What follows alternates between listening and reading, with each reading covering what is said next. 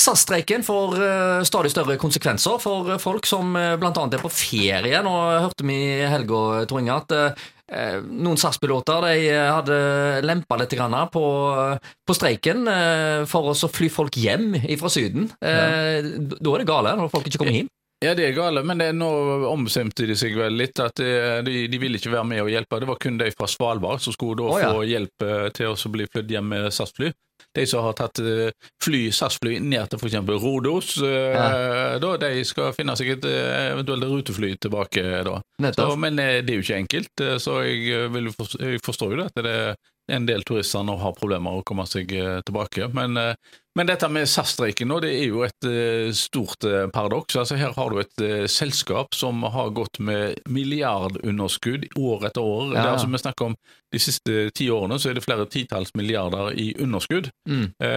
de er på konkursens rand. De har vel, jeg tror første kvartal nå så hadde de en balanse som viste negativ egenkapital på var det over 40 milliarder kroner.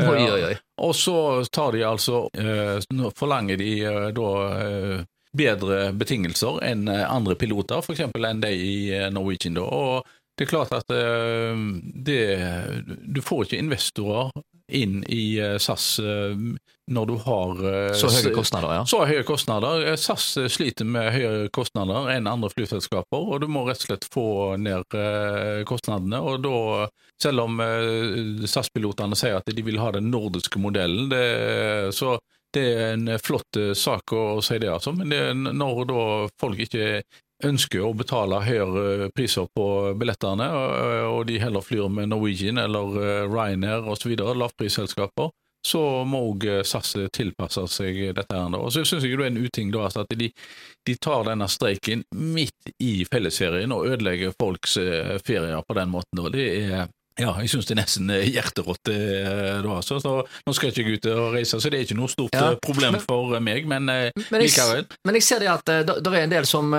går ut og viser veldig stor støtte for pilotene. Så, så dette går jo litt sånn begge veier. Noen er veldig kritiske, og som du sier er kanskje litt realitetsorientert i forhold til at du må jo se på virkeligheten.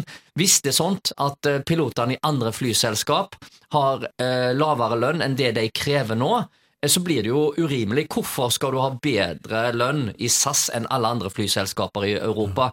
Hvorfor det? I alle fall det ledelsen i SAS sier, det er jo altså at det er vel ingen piloter som har under en million i årslønn. Mm. Eh, de har eh, ca. 180 arbeidstakere i året. altså De har langt færre arbeidstakere enn det som en vanlig norsk arbeidstaker har.